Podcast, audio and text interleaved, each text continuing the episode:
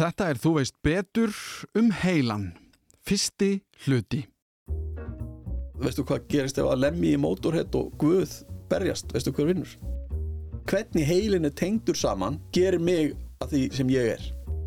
Líklega flóknast að þekta fyrirbæri í alheiminum og hann kemur frá þessari einu frum. Við höldum ferð okkar um bókstafinn H áfram, skiljum hrafnana eftir og förum að hugsa þessum heilan. Ég er nefnilega með smá efni tilbúið sem ég er að vinna í, til dæmis varandi gerfugreind, en áður en við förum í það allt saman fannst mér mikilvægt að byrja á heilanum í okkur sjálfum, áður en við förum að pæla í gerfiheila og hvernig hann myndi virka. Í heimsbyggi þættinum nefndu við Descartes og setningu hans ég hugsa þess vegna er ég en ákveðum við að hugsa um eitthvað eða gerum við það bara því að heilanum langar til þess. Í þessum fyrri part yfirferðar okkar um heilan stiklum við á stóru varandi söguna sem er í raun þrýþætt eins og kemur í ljós hérna eftir smá stund en svo pælum við líki því hvernig heilin er uppbyggður, hvernig hann þróast með áranum og svo þá sjúkdóma sem geta herjað á hann eða á okkur. Svo snertum við aðeins á hlutum eins og ADHD, hvernig heila sem hefur tekið ár þúsundir að þróast, tekst að fóta sér í samfélagi eins og okkar, þar sem að hraðin getur verið gífurlegur. Þátturinn hefur ákveðnar tengingar við heimsbyggina eins og ég nefndi hér áður með Descartes vinn okkar. Það er ekki allt klift og skorið þegar kemur að heilanum, er frjálsvilji til í raun og veru. Á þessari bombu leggjum við á stað og með mér á þessu ferðalægi í raun farastjóri er Pétur Henry Pettersen og eins og alltaf byrjum við á kynningu frá viðmælandanum sjálfum. Pétur Henry Pettersen heiti ég. Ég er lífræðingur í grunninn, samita lífræðingur með doktorsgráðu frá Yale Háskóla í þroskundu ökjærfisins og fór í framhaldi af því í rannsóknir raunum frá fullvaksnum heila með háskólan í Oslo og meira þá kannski út í sjúkdóma. Hef svona cirka frá 2006 verið starfandi sem háskólakennari með Háskóla Íslands að kenna taugavísindi. Fyrst og fremst taugalífarafræði þar að segja hvernig heilin er uppbyggður og er núna orðin prófessor í því ágæta fæi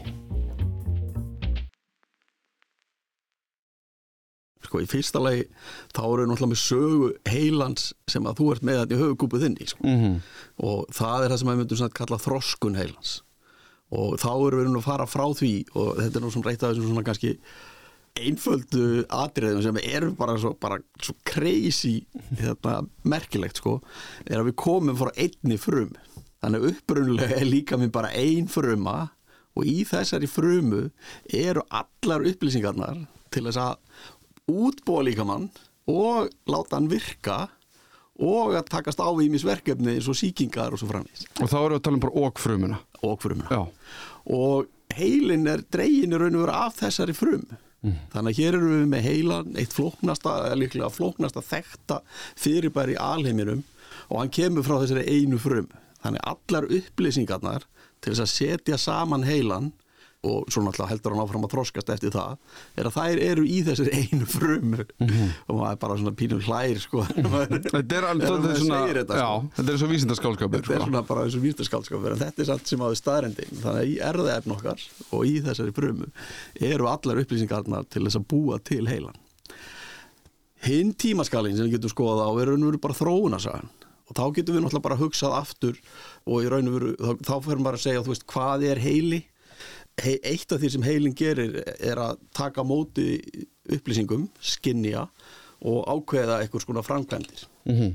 og þetta er eitthvað sem við sjáum í raun og veru hjá bakteri við erum með einfrumungar mm -hmm. einfrumungar leita í áttin æti og frá því sem er hættulegt þannig að eru þeir með heila? Nei en eru, þetta er svona sama funksjónin mm. Og svo ef maður, sko, fylg, ef maður fylgir eftir þróunasögunni frá bakterjum til fjölfrumunga og þá til sérhafinga á ákveðnum frumum í fjölfrumungum til að sinna þessu starfi og svo verður þetta floknar og floknara í þróunasögunni mm -hmm. þannig að við erum með flatormin sem að þá erum við komið með svona uh, vísjað heila sem er, sem er fremst í honum við erum með þar á undan erum við með hýtruna þar sem er alltaf tökjara við bara net en það er engin svona miðstöð mm -hmm.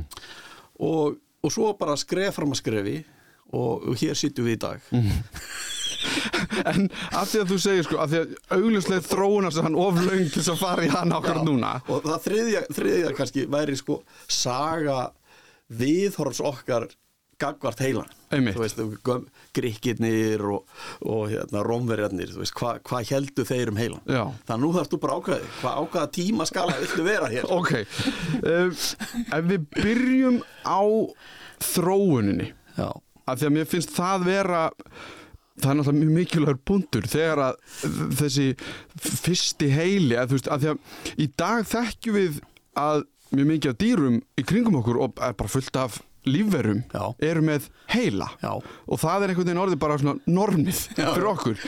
En uh, við vorum frekar aftarlega í keðjunni af, að, í, í þróun hérna lífvera. Erum við ekki síðasta 15 sekundunar eða eitthvað í sögunni? Já eins og kannski marga aðra lífurur já, Já, ok, en, en það voru einhverjar á undan okkur. Já, sjálfsög og risalina voru með heila. Já, já, og allt þetta. Já, já. Og þannig að vitum við, ok, byrjum bara þar. Vitum við hvenar fyrsti heilin kemur, hvenar þú veist eða grunar okkur já, sko þarna fyrir þetta nú bara að vera ég get ekki nefnt eitthvað ákveðið ártal Nei, nei, það við sko það er, er eiginlega þá ekki hægt maður kannski fara aftur í þróunarsöguna kannski í áttina svona kannski kringum flatormin þú veist, þegar, bara mjög einfalda lífverur mm. -hmm. þarf að sapna taugafrumum fremst í höfuðið höfuðið er náttúrulega yfirleitt það sem að fyrst kemst í snertingu við umhverfið. Mm sem, og þá er þetta orðið raun og veru bara uh, tauga hnóð eða sapna taugafrumum sem að vinnur úr upplýsingunum og tekur þá einhverja ákvarðanir. Mm -hmm. við myndum skilgreina það sem eitthvað svona miðtögakerfi Já, myndum við kalla það heila? Ég er ekki alveg viss, þá er maður kannski að fara að tala um kannski eitthvað aðeins aðeins flóknar ok, þá eru komin einhver skilgrinningar Já, það er komin eitthvað í eitthvað Já. ég veit, veit ekki, ekki raun og veru hvort það er sérstaklega áhugaverð spurning sko, hvað er þetta breytist sko. En, en en af, af því að heilinu okkur já, er frekar merkilegur okkur finnst það. Okkur finnst eða það. eins og stendur ofta á hérna, Facebook mýmum, þú veist, heilin er merkilegur Já. þú veist, according to the brain. Já, einmitt. Og ok, nú erum við strax komnir í hérna, ok, þetta er svona mjög mikið hérna, jarðsprengisvæði hvar þú hoppar í heimsbyggina Já, já. en já, því við vitum allavega að heilin okkur getur hluti sem að aðrir heilar geta ekki. Já, hvaða hlutir eru það? ok, eitt hlutur til sem dæmi sem ég hef heyrt um er þessi eiginleiki til að geta lesið texta og lært á Já, og til dæmis bara það að lesa er frekar svona stór já, partur. Já, þannig að, og við vitum að við erum komin frá öpum. Það er þróunarsagan. Já. og við höfum síðan þróunarsögu mannsins bara neandalsmaðurinn og bara aftur og aftur og aftar. Já. án þess þó að ég ætla eitthvað að reyna að sína hversu mikið ég er búin að lesa Já. en að þá gerist eitthvað þegar við breytum um fæðuöflun? Já, já, að, varandi heilan á okkur bara hversu mikið af hitaeiningum við komum inn í líkamann við þurfum ekki að vera að borða allan daginn til þess að einhvern veginn lifa af. Nú, nú mátt þú síðan eftir segja að þetta er ránt hjá þér. Nei, ég, ég held ég, alls ekki, ég, meina, ég held að þetta sé alls ekki rámt ég, ég, er bara, ég var forveitin sko. Ok, af því, af því ég er bara veltað fyrir mér hvenar heilin sem við þekkjum Já, er einhvern veginn mættur? Já ef við reynum að þrengja þetta þanga allavega Heilin mættur sko, Þetta eru kannski raun og veru margir hluti sko. ég, ég, bara, ég spurði bara einskjæru forveitni Mm. og ég meina að flest, allt, flest af mína spurningar byggja yfir litt á því sko. og ég held að þetta sé bara mjög góð punktur þetta með heilin og okkur sé sérstakur af því að við getum lesið texta og við getum hérna, lært af því. Það er svona gaman kannski að skjóta þið að þetta er náttúrulega eiginleiki sem að er kannski fer hérna svona dalandi hjá homo sapiens. Það er önnur. Önnurlega. Já, Þannig að ég held að þetta sé mjög mikilvægt og hérna held ég þú komir veru bara inn á rosa mikilvæga punkt sem er veru tungumálið sko. Þannig að ef að spurningin er hvað gerir manns heilan ólíkt sko apaheilanum er að þá getum við svarað því kannski á mismunandi hátt og að því að það hafa náttúrulega ýmsar hugmyndir komið fram þar sko Mm. ef við hugsun bara um stærðina til dæmis að, að þá er eins og simpansa heili er heldur þrísvarsinu minni heldur en heilin í okkur mm. þannig að það er mjög mikill munur á stærð er heilin á einhvern hátt öðruvísi að því er mér virðist er svo ekki Mhm. þannig að mannsheilin er bara, veru bara stór apaheili Mm. uh, eru frumundar einhvern veginn öðruvísi það gæti verið þannig að þá kemur þessi spurning sko einmitt, akkur hefur heilin á okkur þróast að þennan hátt þannig að hann er svona stór Mm. og þá er svona klassíska svarið er raun og þetta tvent held ég sem að þú ert að minnast á Mm. og þarna og ég ætla bara að skjóta því að þessum varnagla sem er kannski mikilvægt er að ég er sko samindalífræðingur og, og lífærafræðingur þú veist, ég er raunverð ekki sálfræðingur heimsbyggingur, félagsfræðingur eða eitthvað neitt svoleiðis Mhm. þannig að þegar ég tala um eitthvað svoleiðis þá er það ekki endilega byggt á minni hérna, sérþekkingu þannig að við erum þá sko með tungumálið veist, var það það sem að íttu undir að heilin stækkaði og við náttúrulega lifum í samfélugum maður getur ímynda sér að þegar við förum að tala saman þú veist að þá þarf maður að fara við lifum kannski í 50 til 100 manna hópum Mhm. svona eh, mest alla þróun mannkynsins að þá þarf maður að muna hvað allir heita og, og vita þú veist hver, hver hefur hvað hlutverk og hvað hefur gerst og svo framvegis. Og tungumálið opnar upp allskins möguleika. Eitt sem ég held að sé, hitt sem er er þetta sem þú, þú segir er það að þetta með að, að geta soði matinn. Mhm. það er miklu meiri næring í soðnum mat eða steiktum þú veist, elduðum. mat sko, heldur en, heldur en hráum mat þannig að það opnaði einhver tækifæri. Eh, en þetta er veru bara sko umræða sem er að einhverju leiti opin þú veist, akkur þetta gerðist. Og fólk hefur kannski endilega alltaf sömu hugmyndir. Ég hef verið svolítið allur svona í gegnum tíðina undir það sem er, er svona Machiavellian útskýringar á þróun heilans. Og nú er ekki að segja að það sé eina ástæðan af því ég held að hinnar ástæðan séu mjög mikilvægar. En þessi Machiavellian hérna, sá sem skrifaði hérna prinsinn Mm. er að það snýst um það að maður verður að átta sig á sko, maður geta logið að öðru fólki og átta sig á hvernig aðrir eru að ljúga manni þú veist, heimurinn er miklu flóknari heldur en að lítur út fyrir að vera Mhm. og þeir sem átta sig á, á þessum lögmálum að komast þeir eignast fleiri ákvæmi heldur en hinni sko. Já, að- já, já, já, já, veist, þannig að- ertu komið með sko þeir hæfustu lifa af líka bara varandi hverju skilja heiminn betur fyrst Já, maður ekki segja það sko Já. og segja eins og svo að, að við séum einhverjum ættbálki og það er einhver eitt sem að skilur heiminn heiminn betur.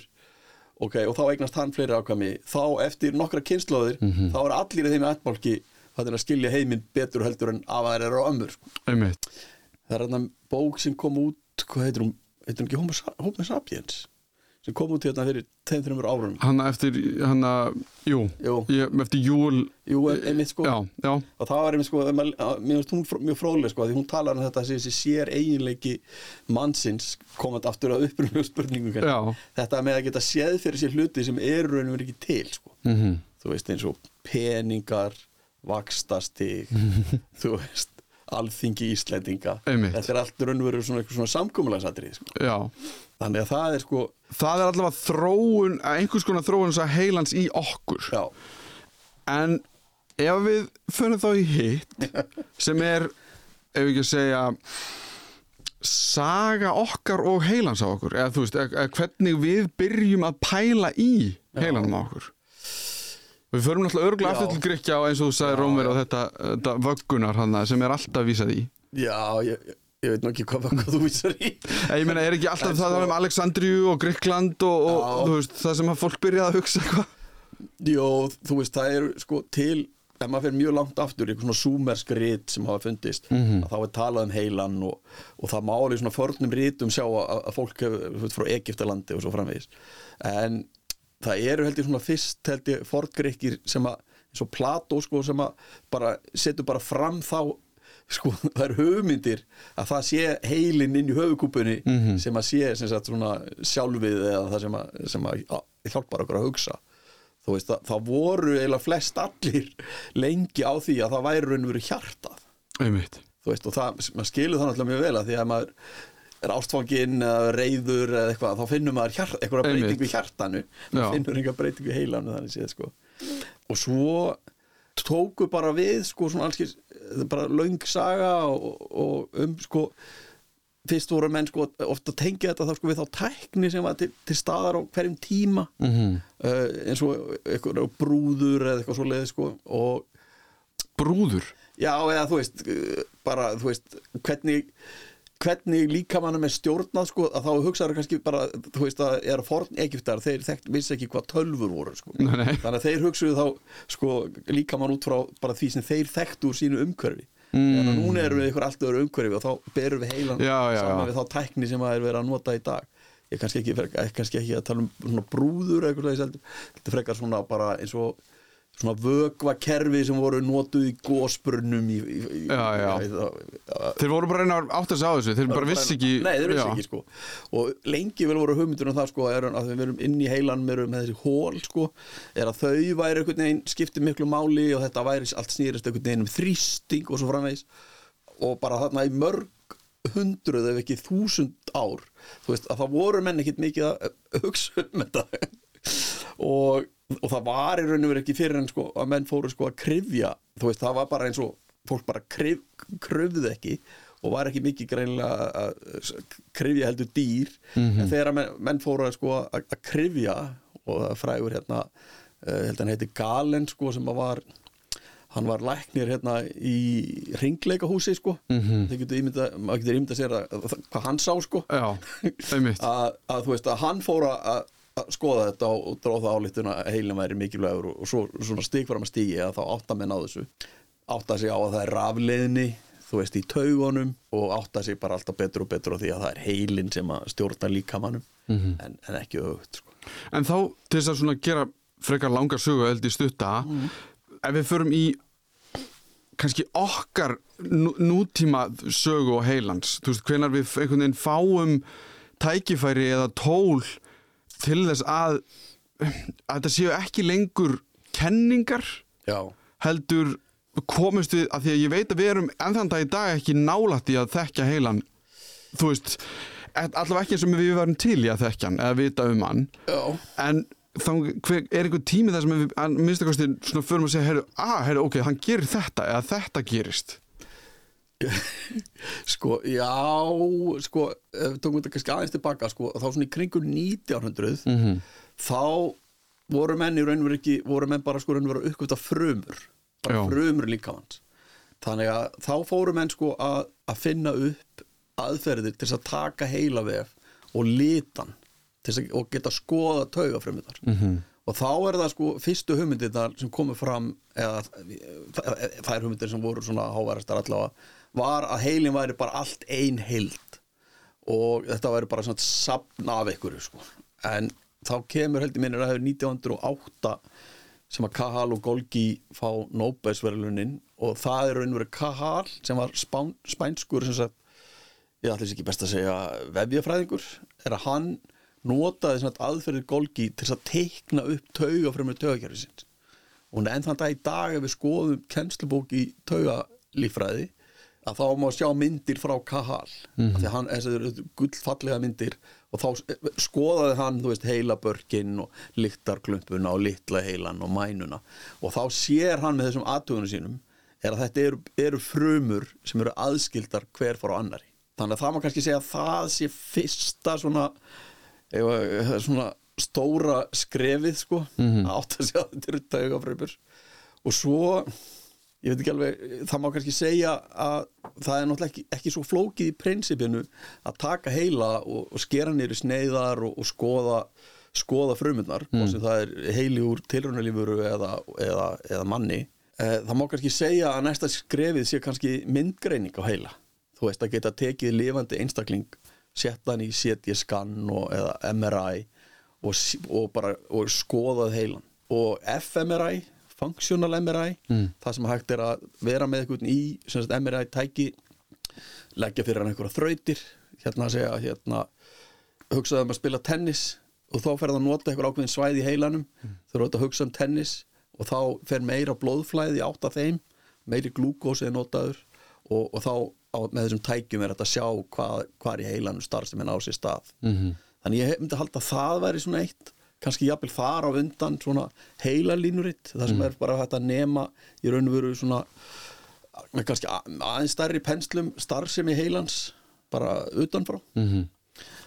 Sem er þá að mæla bara hvað er heila lína, því það er náttúrulega utan á hausnum, er það að mæla bara hvað, rafleiðni, eða þú veist, hvernig, hvernig, hvað er það að mæla? Já, það er að mæla sem sagt spennubreitingar sem eiga sér stað í heila vef og þær eru einhverju leitum sem sagt í þær koma svona í einhverju svona öldum sko. Mm -hmm. Heila bylgjum. heila bylgjum þannig að er og veru verið að nema þessar heila bylgjur Og þá eins og þetta functional MRI þá sérðu einhver sveiflur á milli Nei. hvað það eru, þú sérðu ekkert þannig að Já, ég, ég get ekki með stuttu uh, útskipt á einfaldan há en það er satt, með, gert með segulmagni Mhm. er, og uh, svona, með, með, seg, með stórum seglum er að þá er hægt að meta hvort að, í hvaða ástandi samindirnar eru og sagt, hvort að hvort að til dæmis hérna, súrefnis í bundið eða ekki Mhm. og þá er þetta að sjá að hvar í heilanum þetta er náttúrulega ekki bara fyrir heilan en þetta er, nú erum við að tala um hann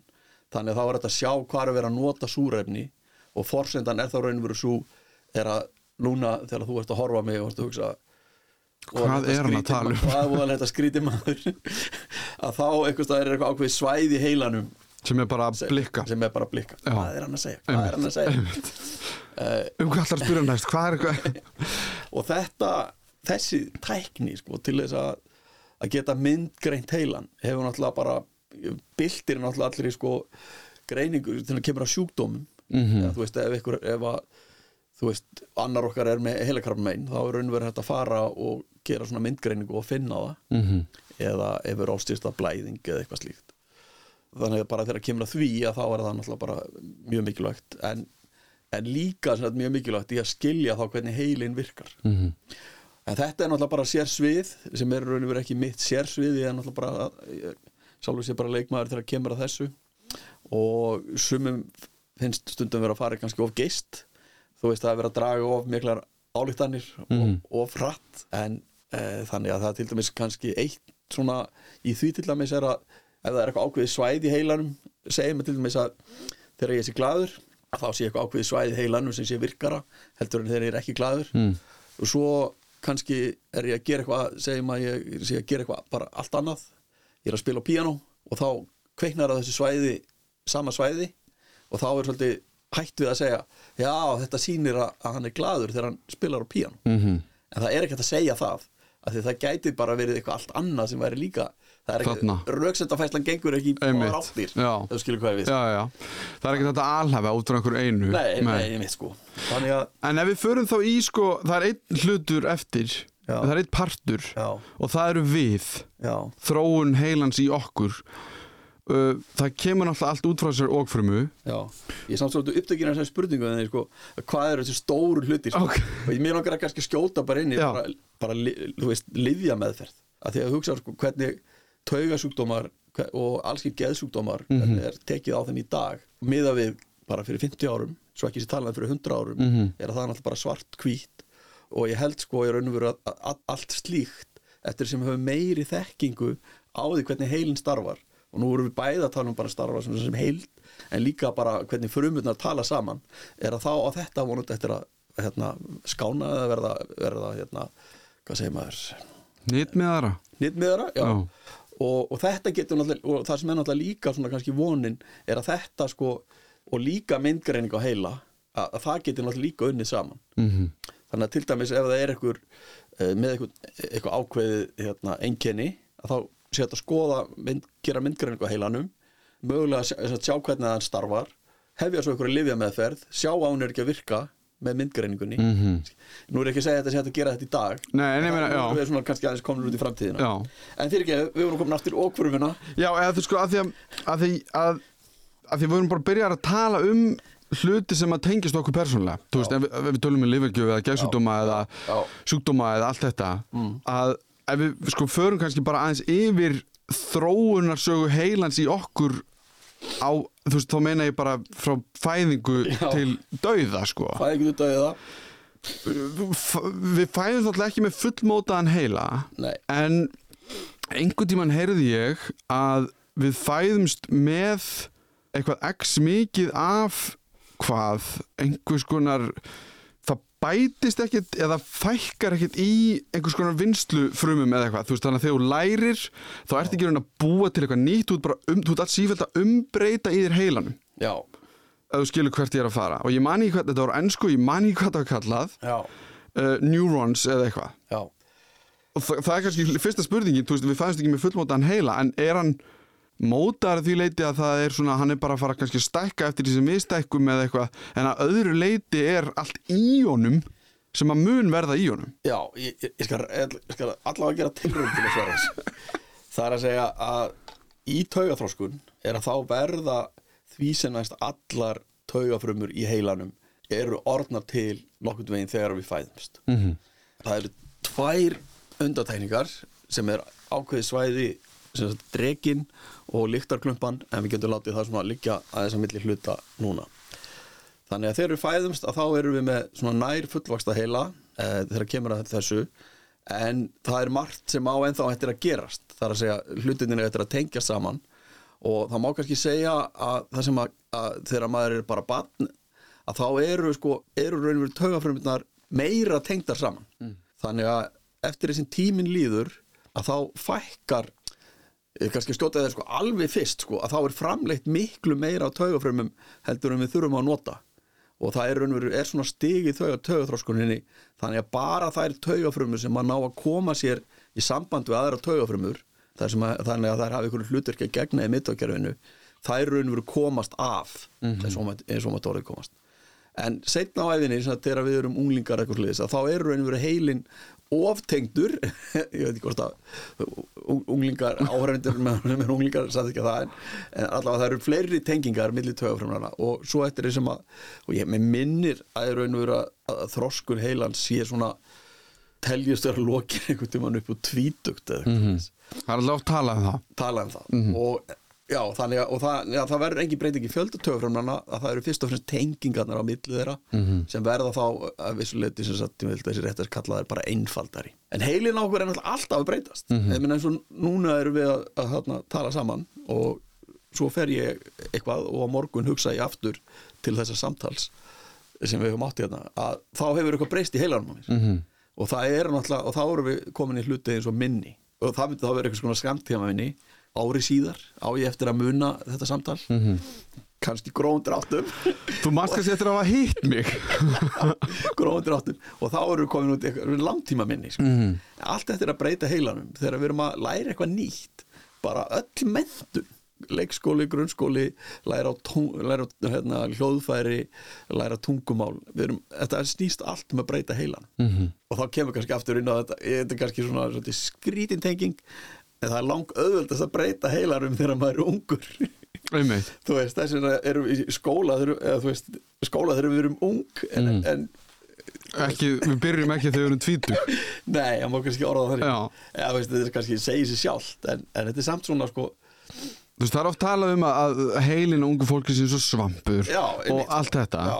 að það sé svona einhvern veginn bara miklu Já, ég meina, er það ekki líka bara því að hérna, ég, að því ég þekki þetta bara úr til dæmis úr sko tölvuleikja heiminum Já. og þau, þau, sem, þau sem eru atvinnu spilarar í tölvuleikjum já, og það er alltaf að tala um eftir einhvern ákveðin aldur að þá getur þú bara ekki verið að því að taugabóðin er ekki jafn hröð þú bara geta Já. gerist ekki jafn hratt Já. í heilanum að þér já, já, já. og að, að þú verðir bara að vera ungur Já. eða ung til þess að geta þetta já, ég held að það sé alveg satt. Og er það ekki bara, þú veist, eitthvað, eitthvað í mjög mikil einföldun, eitthvað svona svipa það, við þurfum að lesa alltaf hlutina kannski oftar eftir þess að við verðum eldri til þess að muna hvað í ósköpunum við vorum að lesa? já, já, ég finna ég upplifið það allavega. Já. mér finnst það sko. Já, uh, maður getur kannski að himbóin að þá náttúrulega eitthvað sem að verður betra með aldrinum. Við tölum með svona skilning og Já, já. eitthvað svo leiðis reynsla, reynsla eitthvað. einmitt. Og svo bara eftir þessi tími líður þá fer heilin að, að hérna, rörna mm er það óumflýjanlegt? Já, ég var á, svona, var á málþingi hérna á læknadöfum og þá var verið að ræða það að það er, að það er til fólk sem verður alveg 110, 120 ára og fær raunveru enga deyr úr elli. En náttúrulega lang flestir deyja úr annarkvort hjarta og æðasjúkdómum eða, eða taugarhörnun og sjúkdómum eða, eða einhverju slíku. Mm. það eru náttúrulega mjög margir sem fá Alzheimer ég minnir að tölunar séu einhvern veginn, sko, 50% yfir 85 ára aldri. Já, er það? já, þetta eru háar- er háar tölur. Já, og er það sko, við, þú segir Alzheimer já, sem er taugarhörnun og sjúkdómur. Er, er það ekki, það, Jú, já, jú. það er heitið sko við líka með Parkinsons Já, já, með Parkinsons og, og síðan er líka bara oft sagt heilabilun sem að ég veit ekki alveg hvað því, ég veit ekki hvort þessi sagt en, en að það sé notað eitthvað heiti yfir, þú veist, bara heilin er ekki að virka eins og hann á að virka en það er kannski ekki Alzheimer eða Parkinsons eða er það kannski bara eitthvað rugl í mér? Þú veist, Ég- af því að ég- heilin sörnar er það ekki? Jó, ég meina það er það sem gerist náttúrulega fyrir all flesta og, og ég segi, ég var að nefna þetta áðan það eru einhver undatekníkar Mm. en fyrir allflesta þá gerist það og þá í raun og veru taugafrumutnar ef, ef þú ert með Alzheimer eða eitthvað slíkt þegar þá fara taugafrumutnar að einhverjum tímapunkt að deyja mm -hmm. og þeim fækkar og heilin í raun og veru minkar í manni með aldrinum. Mhm. Þetta þetta eru í raun og veru mjög mikilvægar spurningar sem sagt eh, hvort þetta sé óumflýjanlegt eða ekki. Já, ég er ekki veist með fólk sem kannski sammála um það. Það er náttúrulega augljóslega hægt að hægja á því og einfaldasta svarið þegar kemur að því er náttúrulega frekar óspennandi heilbreykt lífverðni mm þannig að ok. En ef við notum það spurði spurði nú hver sig já, já, já, en ef við notum það til þess að fara kannski bara yfir í af því að spurningan sem ég byrjaði að langa til að spyrja þig eru þetta tengdar nútímanum, skilur við, hvernig bara og, og þá er kannski fyrsta spurningi mín bara hv, sko, hver er skilningur okkar á heilanum í dag, Hva, ef, að þú, ef ég myndi koma upp að þér og segja bara hvað gerir heilin já. Hér, það er góð spurning sko. Hérna sko held ég að það sé mikilvægt að átta sig á því sko það fer eftir því hvern þú spyrð sko. Það er að segja að geðlegnir hann myndi örgulega ekki gefa kannski ekki gefa sama svar og sálfræðingur mm -hmm. eða, eða líffræðingur eða, eða, eða, eða hvað hefur eins og ég í minni kennslu lít náttúrulega heilan sko sem líffæri. Já, það var kannski það sem ég var að líffæri bara eins og lungun eða Mhm. lifrin. En þetta er náttúrulega ólíkt þeim, þetta er náttúrulega hugsandi þetta er líffæri sem hugsar. Mm og lifrin sé fín sko. Þá var ekki sjálfið í livrinni það er sko. ekki sjálfur í lifrinni. Og það má kannski, kannski ég veit ekki hvort þú manst brandarann sko uh, veistu hvað gerist ef að lemmi í mótorhett og guð berjast, veistu hver vinnur? Nei. Þetta er náttúrulega trikk question sko því að lemmi er guð Guð, já, já, ég var um leiði segði nei og hugsaði býtunum við og það er eins í raun og veru með okkur að raun og veru heilin, við erum heilin sko. mm. við getum hérna skipst á livrum og það skiptir bara gaman Mhm. en um leið við skiptast á heilum þá erum við að færa persónu á, á, á milli sko. Þannig, að, þannig að heilin er greinilega sko, sérstakt lífæri ok, en hvað gerir hann? þá er þetta að hugsa um það bara á, eins og ég seti þetta upp í minni kennslu er að þá er það í raun og en ég setja upp á einfaldan hátt sko. mm. við skinnjum þú veist, við hlustum, við sjáum við finnum hita og við jafnvægi skinn og svo framvegir allar þessar upplýsingar sapnast upp í að allar þessar skinn upplýsingar og við framkvæmum við framkvæmum þá til dæmis með því að reyfa hendurnar en við framkvæmum líka með því að setja meldingarensýmum eða sína eitthvað atverðli ganga fram á klósett til dæmis og þarna inn á milli er eitthvað sem við köllum hugsun sem, að, sem er þá eh, meðvitund okkar og hlutir eins og það að gera áallanir og ég svona, ég hallast mikið eða svona, eh, svo sem ekki neð nýju uppgötun er að heilin er í raun og veru svona vél sem að reynir að sjá fyrir hvaða hlutir gerist sko. ég held að, já, að það sé svona mikilvægt hlutverk sko. Mhm. og, og kemur þá líkur við vísum aftur þessu umræðu sem áttum áðan í raun og veru svona, félagsleg samskipti sko. þú veist það getur verið flókið að spá fyrir um hvað, eitthvað, aðgerð. Nú er ég að tala um svona félagslega aðgerð en það getur líka verið, þú veist að ég ætla að grípa bolta, þú veist, og hvernig á að raða upp reyfingunum til þess að grípa boltan Mhm. það er að plana það allt saman fyrirfram. Og svo erum við með minnið sko. þú veist að við getum vísað í reynslu okkar annarkvort bara í reynslu með þú veist, hvernig við göngum auðvitað eitthvað sem að unga börn hafa ekki eitthvað sem þau verða að læra koma sér upp, eh, en líka bara hérna, þekkingar þekking sem við erum með í minninu. Mm. þannig að, þannig að frá mínum bæjandýrim séð að þá er heilin í raun og veru ekki svo flókin og í mínum rannsóknum þá svona allavega undanfarið eh, að ég hef alltaf rannsakað í raun og veru frumulífræði heilans. Mhm.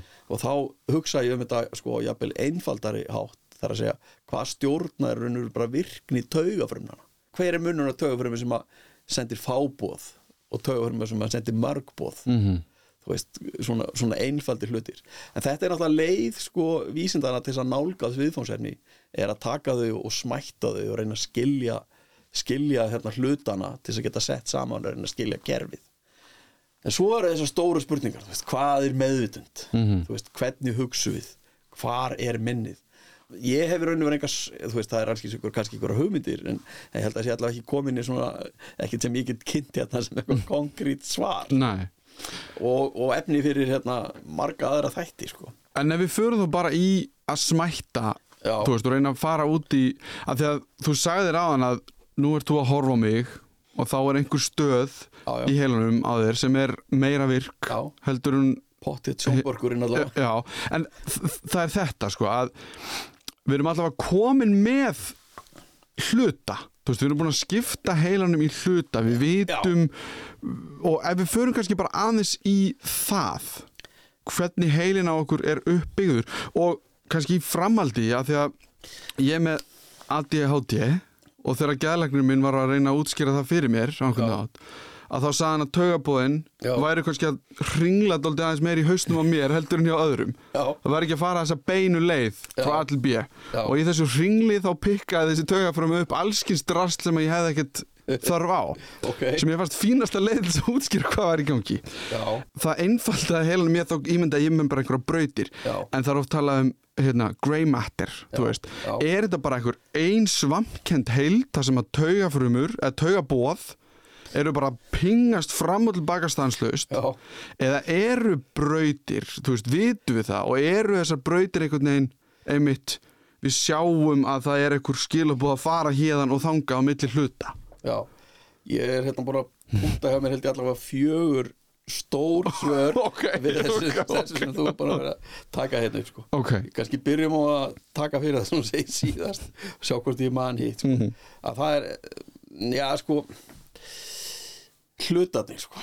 Það er augljóslega sko sérhæfing innan miðtókjærisins og þegar þú talar um miðtökjari bara, þá er ég bara að tala um heilan og mænuna. Já, þannig eins og mænan til dæmis hún er að bera upplýsingar frá líkamannum og frá heilanum veist, þannig að hún er raun og veru hraðbrutin hraðbraut sko, Já. þó hún gerir náttúrulega líka eitthvað svo sem sjálf sko.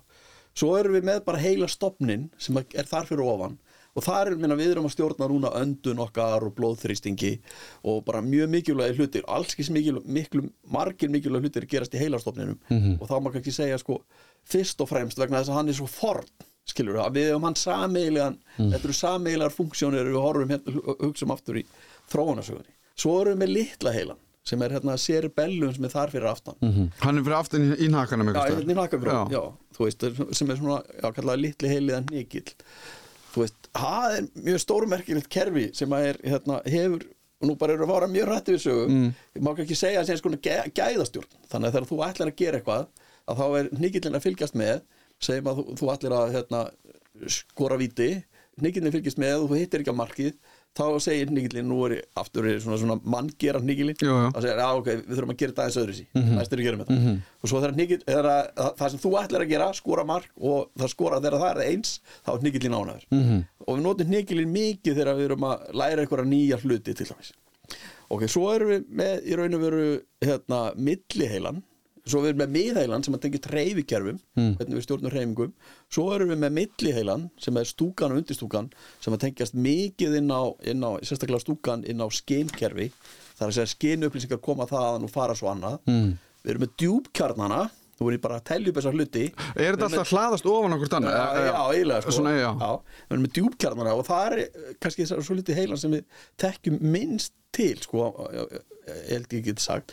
Og þar erum við sko með eins og ég skil þetta sko, þar erum við með forritin fyrir hvernig við sko hvernig við, við göngum og, og, og hvernig við gerum hluti. Það er raun og veru geimt í, í hérna djúpkjörnum þar fyrir ofan, þá erum við með heila börkin og það er náttúrulega margt af því sem við þekkjum ákvörðun reyfinga, skinjun hugsun, vinna úr sjónu upplýsingum, vinna úr öllum þessum upplýsingum setja það saman og, og þetta sem við tölum um sem hugsun Mm. er að það á sér stað í heila berkin Mhm. það er cortex þannig að ef að þínar hugsanir er að pinga fram og tilbaka sem ég veit ég ekki segja hvort ég afni á Mm. Nei, já. er að þá myndi það vera að gerast í heila berkinum sko. já, já. þannig að það er Og, og þetta, þetta vitum við Já, og bara til að skjóta það þegar þú talar um gráa efnið Já. er gráa efnið eru veru taugafrumunar sem eru þá í heila berginum þá eru þær ist og eru bara veru þund lag allt þar fyrir innan er meira og minna í heila berginum og það eru raun og veru símatnir eða tengingarnar á milli taugafrumna þannig að við erum með allskist tengingar bæði á milli svæða og svo erum við líka með tengingar á milli vinstri og hægri hluta heilans Mhm. hérna korp, karpuskolósum sem að það eru heldur 100 miljón þræðir sko sem fara þar á milli Mhm. þannig að, þannig að það er allskist tengingar eh, já, það má kannski og, og þetta er svona einsk að þau spurði hvað er heili Já. það er á YouTube eða ferða getur farið að I am my connectome sem er svona maður sem segir sko heilin eru tengingarnir heilan hvernig heilin er tengdur saman gerir mig að því sem ég er. Þú ert öðru sem ég heil, það er tengingarna þínar eru öðruvísi. Bara hvernig þú þroskaðist og líka bara allt sem þú eru upplifað skilur Mhm. Og það er náttúrulega líka þá tengingar sem ég er sjálfur að bú- búa til. Að sjálfsög, sko. Að sjálfsög þannig að það veist, já. Þetta með ADHD, sko, það er svolítið fróðlegt, sko, Við- aftur veit ég hvort við við taka annan, taka annan þátt, sko, ég er svolítið hrifin að þessum hugmyndum, sko, með að, að fólk sem er með, sko, ADHD og við erum kannski að tala um einhverfu og kannski einhverju litið geðkvarfasíki, mm. þetta er náttúrulega eitthvað róf og okkur hætti til að hugsa um þetta, sko, eitthvað svona sjúkdóma, sko, Mhm. En ég held að það sé sko, ég finnst allavega mjög gaglegt að hugsa um þetta sko, þetta er, er einhverlega sko breytileiki í bara mannlegri hugsun sem að líklega var kannski, var kannski ég er ekki að segja þessi ekki gagli núna Já. en hún var kannski gagleg sko í þróunasögunni sko. Já, einmitt Þannig að ein hugmyndin á baku ADHD er, svo, er að það sé svona hugsunar máti sem hendi mjög veiðimönnum skilur að já. þú ert úti í skóginum. Og bara þarf að vera með aðtilina á öllu til þess að drepast ekki. Aðdeglum öllu þessu drefast ekki en- en svo sérði eitthvað Og þá, þá getur þú fókusera einmitt. Og alveg eins kannski og nú er ég svona eins og segja Það kannski ástæðan fyrir ég alltaf fastur í fight or flight. Er það, það málið? já, þú, Eða, þú veist voru að fara allar leið. Já, ég segi það. Já, þannig að sko meðan að einhverfa að þá er kannski bara þú veist, og nú er ég bara, eins og segi, ég er ekki sérfræðingur í þessu, ég er bara að tala um þetta almennt Mhm. sko, er að, að það er þessi, hæfileiki sko til að hugsa á annan hátt heldur en hinn í hópnum er að það hjálpar hópnum Mhm. og alveg eins kannski með þú veist, geðklofa eða geðkvarafsíki þá er svona sem er þá heilkenni sem að tengist hugsun Mhm. er að þessi hugsun er að hún einhvern veginn að hún seti staðar á einhvern hátt er að hún hjálpar, hjálpi hópnum sko. Mhm.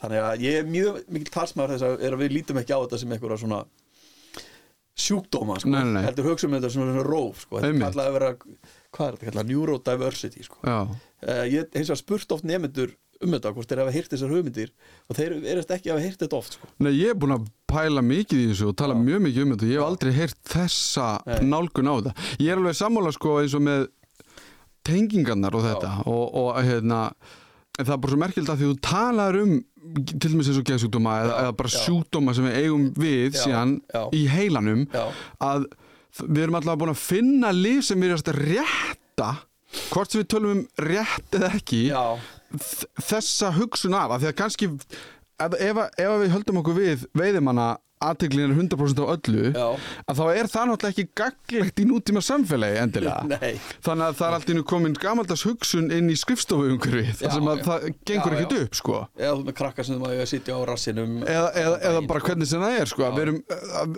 við erum búin að þróa svo hratt við erum búin að breyta svo hratt um samfélagsgerð Já, að allt í hennu er og hugsunin þróunan, hún heldur ekki í sko, í við, við getum ekki þróast genalega og Nei, þetta nei. á svona stuttum tíma ég, ég held bara svona til að gera stort mál mjög lítið sko, þá held ég raun og verið sko, heilin á okkur er þróaður í einhverju sko frumskóar sléttu umhverfi þar sem verður 50 til 100 manns í hóp þú veist, og fólk liðið þú veist í þrítugs Mhm. nú erum við komin í allt, allt annað umhverfi og ég get alveg svarið að það verður svolítið ólíkt kannski eftir 100, 200, 300 ár Mhm. en við erum ennþá með þennan gamla heila sko einmitt og, og ég sko ég veit ekki alveg hvernig ég orða þetta sko stundum held ég að fólki hætti til sko að hafna líffræðinni sko. Já. segja bara eh, heilin veist, að, að það er þetta brey, allt breytist sko. En við erum samt áður sko með þennan heila sem, að- sem að sko hann er búin að taka mörg hundruð þúsund ár að þróast. Akkurat sko.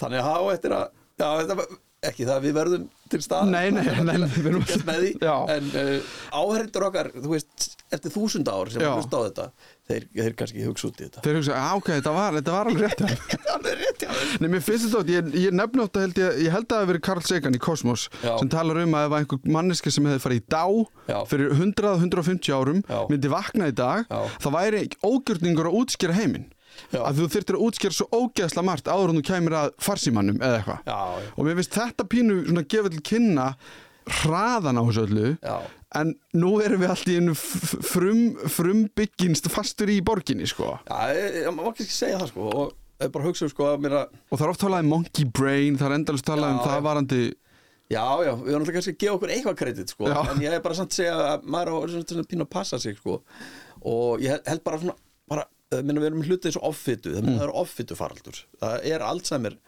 Alzheimer faraldur í gangi uh, við erum með þunglindi Mhm. -hmm. þú veist, við vitum allt og lítið um er bara einn alvarlegasti sjúkdómur bara, bara allstaðar Mm. þunglindi og þunglindi orsakast að mörgum þáttum eitt af því sem hefur áhrif á þunglindi er, er að vera einmanna mm Mhm. -hmm. einmannalegi -hmm.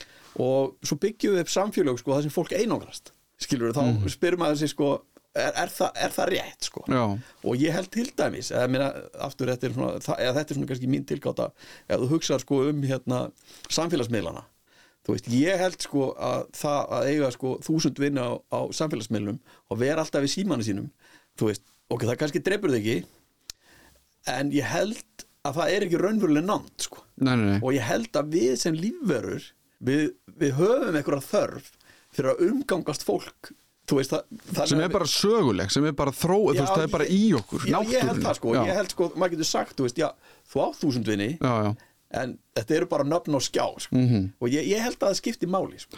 og Já. það er þetta sem ég á við sko, með að við höfum ekki að hafna líffræðin okkar sko. Mhm. og það er alveg eins kannski með offitu faraldurinn við sækjum í feitan og saltan og segran mat af því að við þróðumstu aðstæður það sem var ekki, var ekki til staðar mm. Já. og ef maður komst í eitthvað svo leys þá varum að gera bara njóta sko. en nú erum við allt öðrum aðstæðum en við erum með sömu líffræðina sem tekur svo miklu, miklu lengri tíma til þess að breytast já, já, kannski aldrei, þú veist, hvað veit ég sko. Já, en ég menna ég hugsa bara í svona sögulegu ef við hugsa bara um þróunarkenninguna og eitthvað Já. svona dæmi að, að þú veist, allar breytingar á gerð, manngerðinni eru búin að taka svo ógeðslega langan tíma Já, en, en ég held sko að þetta er svona bara hnótskut þetta með að við megum ekki gleyma líffræðinni sko. Mm. það má ekki gera kröfur á fólk eins og það hafi verið sko hannað í þeim tilgangi að vera nútíma einmitt. nútíma maður ef við ætla að koma þetta einu öðru að því að sko komin inn þetta sko hvað er þetta sem er í gangi núna sko mm. -hmm. að því við vorum komið í nútímanum sko og þá er það sko ég held að séu sko allavega tveir hluti sko bara fyrst er eitthvað sem ég tekið eftir ég hef verið að kenna taugalífarafræði núna ég held sko 15-20 ár og það hefur bara verið sprenging í raun og verið í þekkingu og áhuga almennings sko. Það er sko bara ef þú flettir hérna lifandi vísindum eða, eða skoðar sko frambúð á bókum þú veist í bókabúðum sko það, veist, það eru bækur um svefn og mikrobiómið og, og geðsjúkdóma og hörn þú veist, og þetta er allt annað heldur en það var sko, hérna held ég fyrir 20 árum sko. -hmm. Þannig fyrir svona fyrir 20, kannski 30 árum þá voru þetta bara svona einhverju sérfræðingar sem vissu hvað, hvað er möndlungin sko.